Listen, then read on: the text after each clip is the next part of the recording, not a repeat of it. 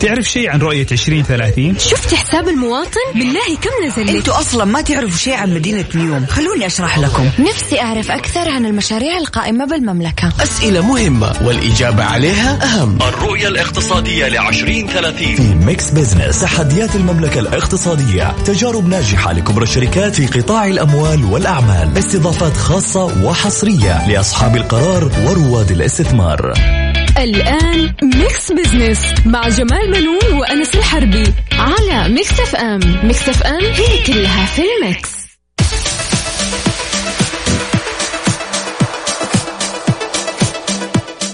أهلا ومرحبا بكم مستمعينا الكرام. أنا جمال بنون أحييكم من Mix FM وبرنامج Mix Business طبعا نرحب بزميلي أنس الحربي الذي يشاركني التقديم. طبعا آه، في حلقة جديدة من Mix Business هذا البرنامج طبعا يأتيكم كل أسبوع في هذا الوقت نتناول القضايا الاقتصادية ونبسط رؤية 2030 بحيث تكون أسرع فهما وهضما كمان طبعا. آه خلينا نتكلم سمعين الكرام آه آه عن وزارة الاستثمار وهي من الوزارات اللي استحدثت في فبراير 2020 لتحل محل الهيئة العامة للاستثمار التي أمضت 20 عاما تحت مسمى الهيئة العامة للاستثمار قبل أسبوع طبعا أصدر مجلس الوزراء التنظيمات الجديدة للوزارة وحملت هذه المهام طبعا. يسعد مساكم واهلا وسهلا فيكم. يعطيك العافية أستاذ جمال. آه، وحشتنا. الله. Mix Business وحشنا Mix Business. آه، مستمعينا اليوم حلقتنا عن آه، السعودية. تتصدر العالم في ريادة الأعمال في أزمة كورونا. وحدد تنظيم وزارة الاستثمار أستاذ جمال اللي وافق عليه مجلس الوزراء أخيرا. 16 مهمة على الوزارة تحقيقها لتنمية الاستثمار المحلي والأجنبي والنهوض بمقوماته وتشجيعه وحماية المستثمرين.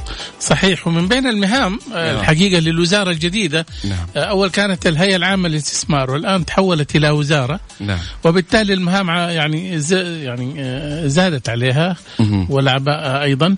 ومن بين المهام إعداد الاسترا- الاستراتيجية الوطنية للاستثمار في المملكة والإشراف على تنفيذها بعد اعتمادها واقتراح أي تعديل عليها وإعداد السياسات العامة لتنمية الاستثمار وتطويره وتهيئة البيئة الاستثمارية المثلى وتعزيز تنافسيتها. واقتراح مشاريع للأنظمة المتعلقة بالاستثمار ومراجعة الأنظمة القائمة واقتراح تعديلها ورفعها. لاستكمال الإجراءات النظامية اللازمة وبحسب التنظيم فإن الوزارة لها إصدار تراخيص الاستثمار وفقا للنصوص النظامية ذات الصلة صحيح أنس كمان أيضا من المهام آه، تنظيم إجراءاتها وتقديم خدمات الوزارة للمستثمرين وتنظيم كل ما يلزم لتحقيق ذلك وتحديد المقابل المالي لذلك بالاتفاق مع وزارة المالية ومركز تنمية الإيرادات غير النفطية إضافة إلى تحديد المؤشرات التي تقيس أداء الاستثمار في المملكة وآلية القياس. وعلى وزارة الاستثمار وضع الخطط التنفيذية والقواعد الكفيلة بهيئة آه، بيئة الاستثمار أو بتهيئة بيئة الاستثمار في المملكة ومعايير تنمية وتعزيز التنافسية ورفع عما يتطلب استكمال إجراء في شأنه إلى جانب جذب الاستثمارات من خلال تنظيم المؤتمرات والندوات والمعارض الداخلية والخارجية والفعاليات. صحيح أيضا كمان آه، من المهام آه، وغيرها من الوسائل وإقامتها نعم. والمشاركة فيها والإعلان عن المبادرات المحفزة للاستثمار وإنشاء قاعدة بيانات إنشاء قاعدة بيانات الاستثمار ومؤشراته في المملكة لتكون المنصة الموحدة والمرجع الرئيسي للمعلومات ذات الصلة باختصاصات الوزارة. وعلى الوزارة دعم الاستثمار السعودي في الخارج ومعالجة تحدياته مع الجهات ذات العلاقة داخل المملكة وخارجها والعمل على تعزيز استدامة الاستثمار والنهوض بدوره ومعالجة تحدياته ومعوقاته واقتراح الحوافز الممكنة له إحنا مقبلين على وزارة يعني حتكون يعني مختلفة تماما جدا. عما كانت عليه لما كانت هيئة. نعم. وبالتالي يعني حت- حتشهد السعودية المزيد من آه، الفرص الاستثمارية. أكيد طبعا. نعم. طيب أستاذ جمال نأخذ فاصل. مستمعينا فاصل وراجعين. خليكم ويانا مستمرين في Mix Business. وبعد الفاصل حيكون عندنا فقرات البرنامج فخليكم ويانا.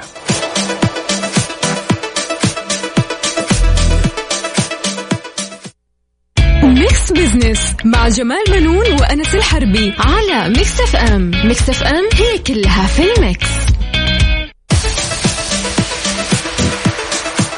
ومستمرين معاكم وأهلا وسهلا فيكم في Mix Business وعندنا فقرات البرنامج اليوم كالعادة في فقرة على السريع بنستعرض أبرز الأحداث والأخبار الاقتصادية وندردش على بعض منها. في فقرة حسبة ونسبة اليوم السؤال المطروح على at Mix FM Radio في حسابنا في تويتر. كيف تقرأ الصحف يوميا؟ موقع الصحيفة الإلكترونية موقعها الإلكتروني PDF أو ورقية من المكتبات. أنت للآن أستاذ جمال كيف تقراها الآن؟ أقول لك أنا لي فترة يعني أظن في حدود 10 12 سنة أه. آه، أنا أقرأ الصحف على النت على الج- okay. على الجوال وعلى ال- الجهاز. حلو. آه، أحيانا بصيغة PDF عشان أشوف إخراج ال- الصفحة. مم. من ناحية هذا. ولكن في, في كثير من الأوقات آه، أقراها على الموقع الإلكتروني ولكن للأسف الشديد ال- الصحف المحلية عندنا. المواقع حقتها ما تخدمك انت كمتصفح. تعطيك يعني الأخبار الطازجة أول بأول الموقع كده بطيء آه. وما يعطيك أول بأول الأخبار الطازجة أي. فتكون نفس الصفحة ونفس الصورة لها فترة هذه لازم تتغير أول بأول يس. أنا كمتابع مثلا شايف ولكن اليوم القارئ آه، بيتنقل طبعا آه، معظمها طبعا في الصحف الإلكترونية. الورق أظن أنت عارف كمان يا أنس له يعني متعة خاصة. هي متعة صحيح بس هي خلاص أنا شفت أنس في أها. في, في أستراليا نعم. آه، في أسواق. آه، حاطين مجموعة من الصحف كده على المقاعد. فالناس لما تروح تخرج السوق مع بزورتها ولا هذا. يعني كبار السن بيقعدوا على هذه المقاعد مم. وبياخذوا من الصحف هذه هي أساسا بتوزع مجانا ما يشتروها. تمام. وتستغل كثير من الشركات إنها تحط يعني إيش؟ إعلاناتها في نفس الصحف هذه. الصحف إيه. ليش؟ وبالذات الصحف يعني الإعلانات اللي لها علاقة بالمنتجات الاستهلاكية. يعني أنت شفت الإعلان وعجبك المنتج ممكن تروح تشتري من السوق. انت لأنه في نفس التوقيت إيه. عرفت؟ إيه. فبالتالي هم كسبانين.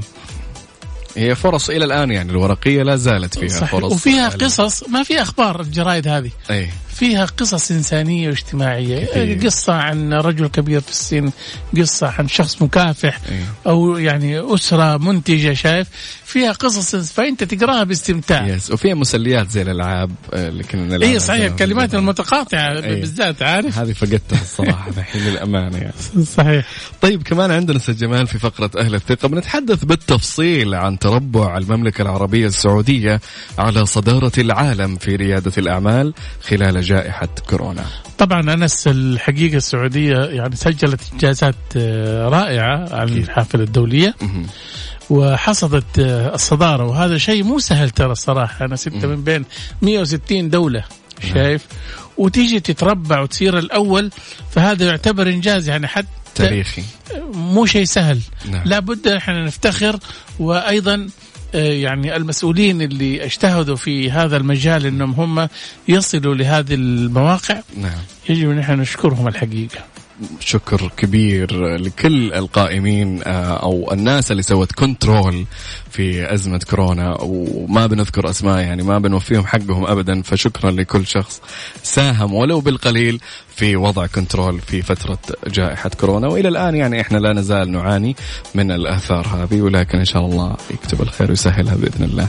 طيب مستمعينا نأخذ فاصل وبعد الفاصل إن شاء الله حيكون معنا ضيفتنا الدكتورة نوف الغامدي في الاستديو مستشارة تنمية آه، اقتصادية وإقليمية بندردش في الموضوع اللي هو قلنا تربع السعودية على صدارة العالم في ريادة الأعمال خلال جائحة كورونا. خليكم ويانا لا تروحون بعيد.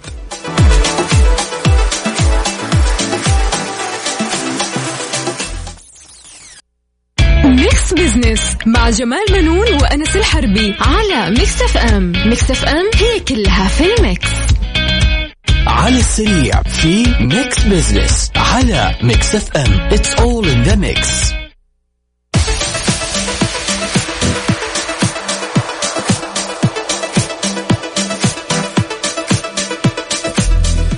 مستمرين معاكم وهلا وسهلا فيكم في Mix Business أنا وزميلي الأستاذ جمال بنون وفي فقرة على السريع بنستعرض لكم أهم الأحداث والأخبار الاقتصادية.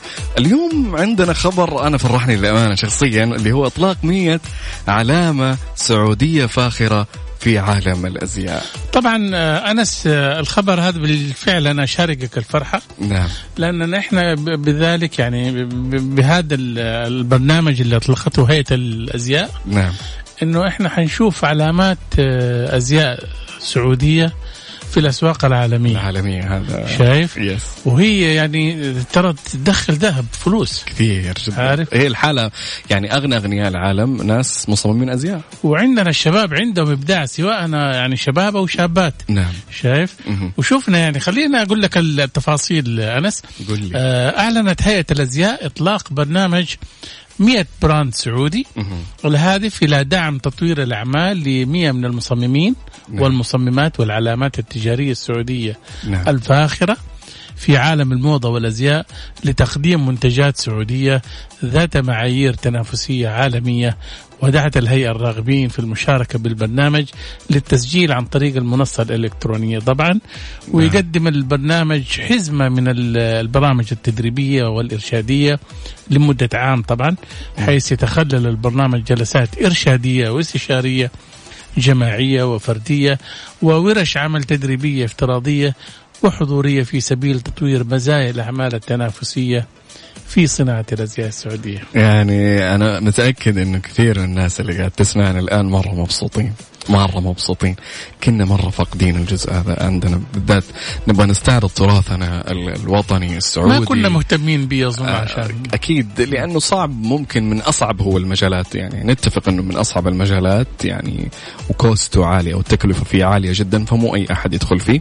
لكن في ناس أثبتت جدارتها. بعض العلامات التجارية السعودية الآن أثبتت جدارتها وبإذن الله القادم أجمل. فيا جماعة الخير بنعطيكم المنصة اللي هي www.saudi100brands.com ادخلوا عليها وإذا عندكم آه، براندات وشغالين فيها عسى الله يوفقكم إن شاء الله وترفعوا رؤوسنا في العالم بإذن الله. ولا ينسونا بعدين لا أكيد طبعا إحنا مضبطينكم هنا.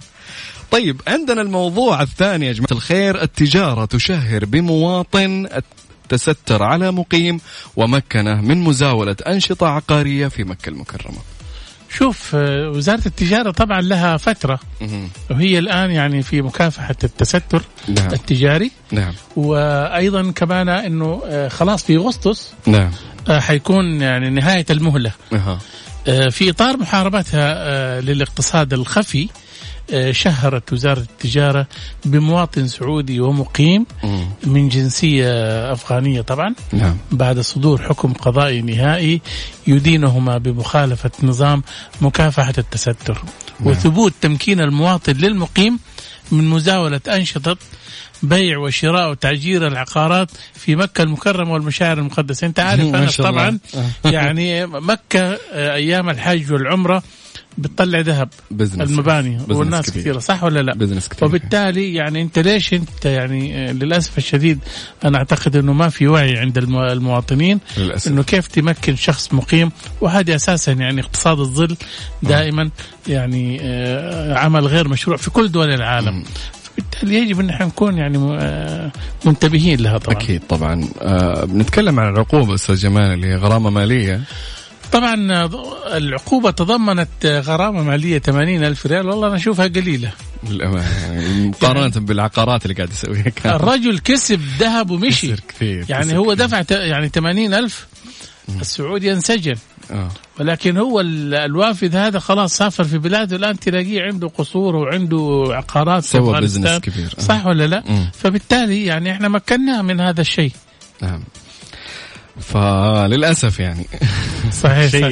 يقهر الصراحة. طب عندنا في الخبر الأخير الموافقة على 14 صندوق وقفي استثماري والبداية ثمانية صناديق بقيمة 365 مليون ريال. والله الأعمال الوقفية في السعودية الحقيقة كثيرة جدا. ولكن آه، آه، شيء مرتب إلى الآن يعني أنا ما الحقيقة لمست امم آه، ربما يكون يعني نتيجة أنه آه، إدارة الصناديق هذه تحتاج نعم. إلى لاعبين محترفين وأيضا أصحاب خبرة وإن شاء الله يكونوا الآن يعني في هذه الصناديق من الأشخاص اللي هم لديهم خبرة في إدارة الصناديق. آه، طبعا الهيئة العامة للأوقاف آه، أنشأت يعني صناديق استثمارية وقفية. نعم. آه، تقريبا 14 صندوق. نعم. وقالت الهيئة أن ثمانية صناديق بقيمة 365 مليون ريال بدأت بالفعل في الاستثمار. بينما لم تبدأ ست صناديق أخرى. استثماراتها. وأكدت الهيئة أن الصناديق الاستثمارية الثمانية تم ترخيصها وطرحها من قبل هيئة السوق المالية مشيرة إلى أن موافقة الهيئة العامة للأوقاف تعد موافقة مبدئية قبل الترخيص من هيئة سوق المال. طبعا وأكيد آه، هذه يعني زي ما تقول يعني قنوات استثمارية. آه، تتيح الناس اللي عندها طبعا فلوس ولا ممكن تبغى تدخر أموالها ممكن تساهم في هذه الصناديق بحيث أنها هي تكون يعني آمنة بعض الشيء إن شاء الله. نعم. طيب مستمعين نروح الفاصل وبعد الفاصل معنا ضيفتنا الدكتورة نوف الغامدي مستشارة تنمية اقتصادية وإقليمية بنتكلم عن تربع السعودية على صدارة العالم في ريادة الأعمال خلال جائحة كورونا. فخليكم ويانا لا تروحون. Mix Business مع جمال بنون وأنس الحربي على Mix FM. Mix FM هي كلها في ال Mix. أهل الثقة في Mix Business على Mix FM. It's all in the mix.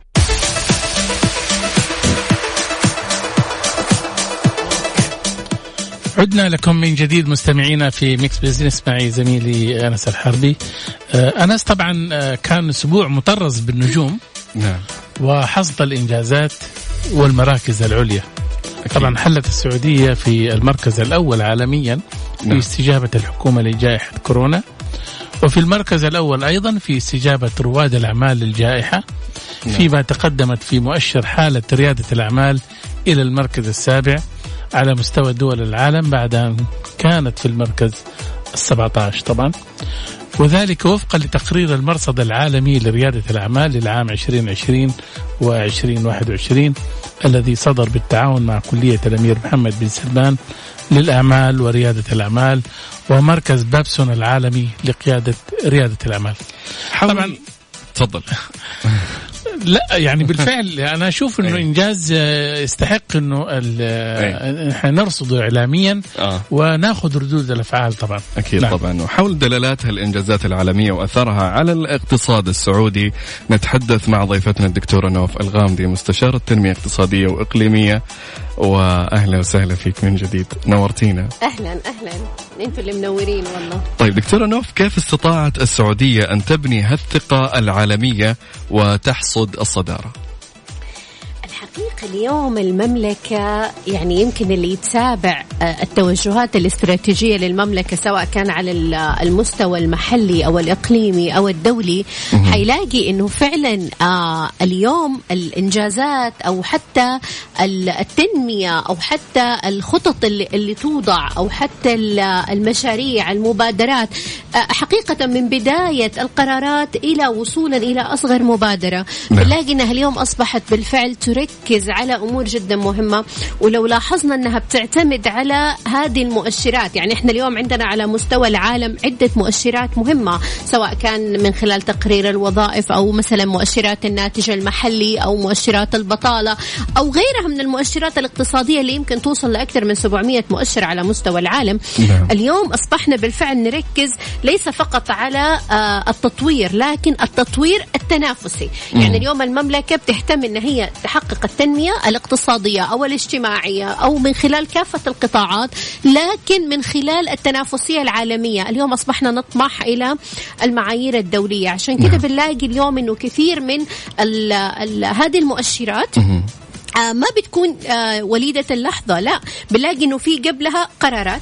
في جهات أنشئت هيئات آه مبادرات أقيمت آه تمت تم قياسها متابعتها مشاريع. فبالتالي اليوم إحنا فعلا آه ما بنحقق فقط ال- المؤشر من خلال ال- ال- التشريعات لا من خلال التنفيذ كمان ومتابعة هذه الخطط وتطويرها بشكل إنه اليوم إحنا مثلا بنلاقي إنه في المرتبة مثلا الثلاثين بنلاقي إنه فجأة خلال سنة أو سنتين وصلنا لمرحلة إنه أخذنا المراكز الأولى أو الثانية على المستوى العربي وعلى المستوى الدولي بنكون كمان في مراكز متقدمة. وهذا حقيقة لأنه بالفعل أصبح في دقة في هذه المشاريع أنه مو فقط مشاريع وأفكار للتنمية لا كمان آه الاهتمام بمعايير الاستدامة والتنافسية. هذا اللي بيعطينا بالفعل تحقيق إنجاز مهم ويكون على المستوى العالمي منافس ويحقق الاستدامة كمان لهذه المشاريع.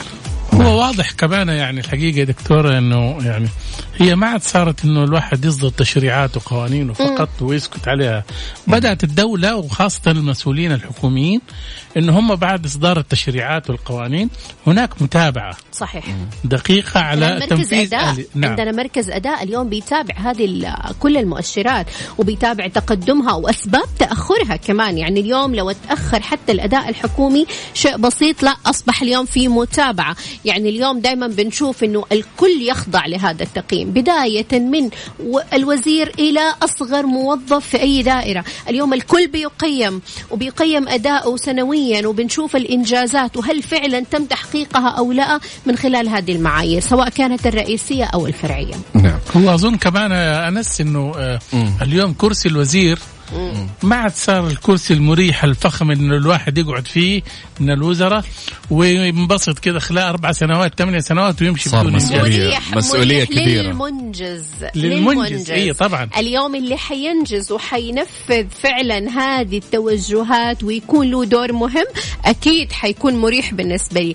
أما اللي يعتقد إنه الكرسي زي زمان أصبح كرسي علشان إنه منصب تشريف فقط فلا شكرا خليك في بيتك. طيب مستمعينا فاصل آه راجعين لكم. خليكم ويانا.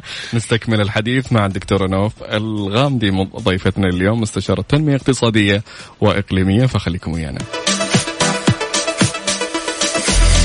Mix Business مع جمال بنون وأنس الحربي على Mix FM Mix FM هي كلها في ال Mix. أهل الثقة في Mix Business على Mix FM It's all in the mix. أهلا بكم مستمعينا من جديد. طبعا لكم حوارنا حول تربع السعودية على صدارة العالم في ريادة الأعمال خلال جائحة كورونا مع ضيفتنا الدكتورة نوف الغامدي مستشارة تنمية اقتصادية وإقليمية. مرحبا بك من جديد دكتورة نوف. أهلا أهلا. خليني أسألك يا دكتورة الحقيقة والحديث يعني متواصل حول الإنجازات. آه انعكاس آه هذا طبعا آه هذا الترتيب على الاقتصاد السعودي. اولا الاقتصاد السعودي يعني حقيقة الفترة الماضية كان من أقوى الاقتصاديات وأثبت هذا الشيء خلال جائحة كورونا. خلينا نبدأ من بداية إنه هذه المؤشرات حقيقة بتحقق التنمية المستدامة آه وبتحقق كمان التنافسية العالمية. هذه النقطتين. فبالتالي اليوم تأثير هذه على انعكاسات الاقتصاد لما نلاقي إنه فعلا إحنا عندنا اقتصاد قوي وواجه بشكل كبير وما زال مستمر في هذا الدعم سواء كان على المستوى الحكومي أو على مستوى القطاع الخاص أو على مستوى حتى التنمية المجتمعية. فنلاقي انه فعلا اليوم لما نوصل لهذه المرحلة إنه إحنا نبدأ نتكلم عن معايير تنافسية عالية هذا أكيد حينعكس علينا سواء كان على المشاريع على الأثر الاقتصادي على الاجتماعي كمان لهذا النوع من ال ال القرارات أو حتى التشريعات أو المبادرات. فأكيد طبعا هذا بيعطينا اليوم آه تنافسية عالمية. هذه نقطة. من ناحية طبعا التوجهات. لما نيجي نتكلم كمان حتى على الاستثمار الأجنبي اليوم هذه هذه أكيد حتنعكس كمان علينا على مؤشرات الثقة العالمية كمان آه في اقتصادنا. فبالتالي اليوم أنت لما تهتم بهذه القطاعات وبتهتم بهذه المؤشرات وبنلاقي هذا التغير السريع والاستجابة للمتغيرات في ظروف زي اللي إحنا فيها فهذا معناته أكيد بيأكد أنك أنت اقتصادك قوي وأنك أنت فعلا بتركز على المفاصل الاقتصادية والاجتماعية كمان للتنمية. آه وتحقيق هذه المعايير ومواكبتها كمان للمعايير العالمية وأنك أنت توصل لمرحلة إنه التقارير الدولية تكون بتتقدم فيها بهذا الشكل السريع. حيعطي صورة ذهنية كمان وهذه قوة ناعمة لوحدها مهمة عن المملكة العربية السعودية. الشيء الثاني كمان هذا بينطبق على مشاريعنا. اليوم أنت بتتكلم عن مشاريع جديدة زي ذا لاين ونيوم والمشاريع الاقتصادية والمدن الاقتصادية الجديدة اللي اليوم بنتبناها. هذا أكيد كمان حيعطي ثقة إنك أنت اليوم في هذه المؤشرات زي مثلا عندنا اليوم الأداء البيئي. اليوم هذا بينعكس أكيد على طبيعة هذا المشروع والشركات كمان اللي حتستقطب في آه، تنفيذ هذه المشاريع وتستثمر كمان في آه، في هذه الجهات. جميل. طيب دكتورة بالأمس أيضا تصدرت في مجال البيئه ويبدو أن السعودية لن ترضى بعد اليوم بمركز أقل من الصدارة. مم. آه الحقيقة اليوم زي ما ذكرت في البداية اليوم نعم. المملكة آه ما صارت فقط آه تبدأ في مشاريع مم. بس يعني اليوم إحنا ما بنتكلم عن مشاريع تقليدية بنتكلم عن مشاريع صديقة للبيئة يعني إحنا شفنا يمكن الأمير محمد بن سلمان لما أعلن عن مشروع The Line كان التركيز على هذا هذا النوع بالضبط على الاستدامة البيئية وعلى مم. الأداء البيئي وإنها تكون فعلا مدن آه صديقة للبيئة وبتحقق مم. هذا النوع من التوازن البيئي البيئي فاليوم إذا أنت ما كان مؤشراتك كمان الأساسية آه بتتقدم وبتشبه هذا النوع من المشاريع معناته أنت أكيد يعني في عندك خلل في مشكلة فبالتالي اليوم إحنا ارتفاع هذه المؤشرات يعني لما نتكلم على الأداء البيئي إحنا اليوم الأول عربيا و34 على مستوى العالم. ترى نعم. هذا إنجاز عظيم وهذا نعم. بالتالي بيأكد بالفعل إنه آه، إحنا اليوم في تفاصيل هذه المؤشرات بنركز على تنفيذ هذه الاستراتيجيات من خلال هذه المشاريع. نعم. وتعطي ثقة اليوم للمستثمر. اليوم أي مستثمر حيركز على هذه المشاريع؟ المشاريع ونجي نعطي له هذه الاشتراطات. فبالتالي أكيد حيركز إنه إيوه والله أنت اليوم لازم تكون ميت هذه الستاندرد حقتنا وبتحققها علشان نقدر نقول إنه إحنا آه، بننفذ هذه المشاريع بالشكل الصحيح. فما ينفع اليوم إنك أنت تنفذ مشاريع وتتبنى مفاهيم من هذا النوع خصوصا الاستدامة البيئية لأنه إحنا بنركز كده على معايير الأمم المتحدة كمان. فبالتالي لازم تكون هذه المؤشرات كمان على الأقل مش لازم كلها. اليوم إحنا لو نجي نشوف المؤشرات بنلاقي إن إحنا متقدمين في كثير من هذه المؤشرات الفرعية. وهذا أكيد طبعا حينعكس بعد كده على المؤشر ككل إنه يكون فعلا متحقق. بالفعل يعني الصراحة آه، لو نلاحظ إنه آه، يعني هذه الإنجازات دائما تكون محفزة للإبداع وللإنتاج. صحيح. آه وهذه الإنجازات اللي تحققت وراءها فريق عمل الحقيقة دكتورة. أكيد. وجهد شاق. الحقيقة دكتورة نوف انتهى وقتنا. وشكرا لمشاركتك.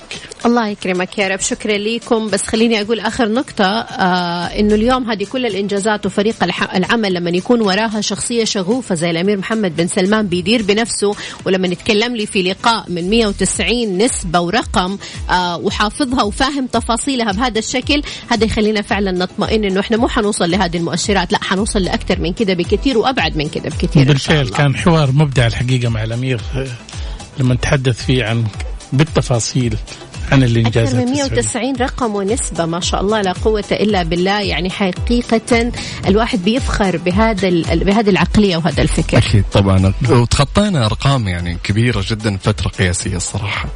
صحيح صحيح. طيب مستمعينا فاصل قصير خليكم ويانا ونرجع في فقرة حسبة ونسبة ونشوف إيش صار على الصحف الورقية والبي دي إف والصحف الإلكترونية. دكتور نوف بسألك قبل أن نطلع. آه هل أنت من محبين لا زلتي الصحف الورقية أو خلاص استغنيتي عنها والله أنا أنا old style أنا ما زلت أحب الصحف الورقية وأحب الكتب ورائحة الكتب. أنا آه. لسه مهما أثرت في الرقمنة لكن ما زلت دائما أقول لهم ريحة الكتاب وريحة الورق. ممتع. ليها ليها متعة مختلفة صراحة. هي لا بس شوفي الكتب غير والصحف غير. مم. إحنا بنتكلم اليوم الاهتمامات الصحفية. والله كله يعني, كل يعني اليوم أنت ممسك جريدة وتقرأ الخبر فيها والله ترى له وقع مختلف تركيزك أكثر. بالضبط. غير لما تقرأه يعني يمكن أنا أحب أقرأ الجرايد أكثر في الطيارة على فكرة. يعني ممتع الموضوع إنك أنت تقرأ الأرقام والنسب وتأخذ راحتك فيها. ليها متعة مختلفة عن لما نشوف الخبر أونلاين. ما أعرف. حتى الرقم أشوفه شكله أحلى. كويس إنك أنت يعني من مشجعين الصحف الورقية. يعطيك العافية دكتورة نوف. كانت. معنا يا جماعة الخير دكتورة نوف في فقرة أهل الثقة مستشارة تنمية اقتصادية وإقليمية. تكلمنا عن تربع المملكة العربية السعودية على صدارة العالم في ريادة الأعمال خلال جائحة كورونا. فاصل قصير ونرجع لكم في حسبة ونسبة. خليكم ويانا. Mix Business مع جمال بنون وأنس الحربي على Mix FM Mix FM هي كلها في ال Mix. مستمرين معاكم وأهلا وسهلا فيكم في آخر فقرة آه، حسبة ونسبة أنا وزميل الأستاذ جمال بنون. نبغى ندردش شوية على معلومات. إحنا طرحنا تساؤل يا جماعة الخير قلنا كيف تقرأ صحفك اليومية؟ يعني المكتسح أستاذ جمال. الإلكترونية 71% هو بالتأكيد شوف أنا أقول لك حاجة أظن إيه. يعني آه الآن قبل شوية أنا سمعت رأي الدكتورة نوف امم بتقول هي من المشجعين للصحف الورقية إيه. وغيرها كثيرين الحقيقة من الناس اللي أيدوا قراءة ال- الصحف الورقية ربما لها متعة ولكن النسبة هذه طبعا قليلة طبعا بالتأكيد مهم. آه ليش؟ لأنه اليوم آه حتى الصحف الورقية بدأت تختفي مم. آه في كثير من ال- الدول طبعا مم. أديك على سبيل المثال أزمة الصحف الورقية طبعا. نقول لك هذه ظاهرة عالمية. أوكي. وعلى سبيل المثال هناك أكثر من 600 صحيفة ورقية في أمريكا أعلنت عن إفلاسها طبعا وخرجت من السوق. آه، خلال السنوات الماضية. طبعا نحن نتحدث عن نسبة الثلث من العدد الإجمالي مرة للصحف كثير. الأمريكية. البالغ عددها 1800 صحيفة. مم. نعم. بس يعني لو حولوا PDF وخلاص يعني حولوا رق- رقمي ليش يفلسوا؟ والله شوف حتى ال PDF ترى الصراحه أحيانا آه. آه. مكلف أمس آه. إحنا شفنا عنوان في أحد الصحف مم. لما قالوا آه مليار وظيفة خطأ آه. لصندوق الاستثمارات العامة مم. ولكن رجعوا عدلوها وقالوا هي هي أصلا مليون وظيفة ولكن آه، الصحيفة أظن أخطأت في العنوان ورجعوا عدلوها في الورقية طبعا مم. وبالتالي يعني آه الأخطاء هذه وارده لكن لو كانت إلكترونية كان في نفس الوقت. كان مشيت yes صح ولا لا؟ yes نعم. آه، كمان في المقابل هناك تجارب ناجحة في صناعة المحتوى الرقمي مثل صحيفة آه، نيويورك تايمز اللي احتفلت أخيرا بوصول عدد مشتركيها في موقعها الإلكتروني إلى 4 ملايين قارئ مع إيرادات تجاوزت 700 مليون دولار أمريكي واستفادت منها المداخل الجديدة في تغطية تكاليف تشغيل الصحف الورقية. مو هو شوف اليوم الموقع الإلكتروني مو معناته أنت تاخذ خبر وحطيته في الموقع الإلكتروني فقط لا. مم. الآن في مواقع إلكترونية تفاعلية. أنت لما تضغط على الخبر الخبر بيطلع لك مقطع فيديو بيطلع لك صورة يس، بيطلع لك المسؤول. مم. شايف؟ ونفس الخبر ينقلك على موقع إذا كان في حريق ولا شيء. ينقلك لايف في نفس الموقع شايف ويعطيك تصريحات مسؤولين فبالتالي أنت بتستمتع وأنت بتتصفح الموقع. لكن للأسف الشديد اليوم كثير من المواقع في الصحفيه الورق ما تقدر تشوفه ولا حتى المواقع الإلكترونية عندنا. للأسف الشديد. في في عالمنا العربي ما نقول السعودي. في عالمنا العربي للأسف يعني آه، ضعيف والمحتوى غير يعني آه، زي ما تقول مهني تمام. طيب خلينا نقرأ الباقي.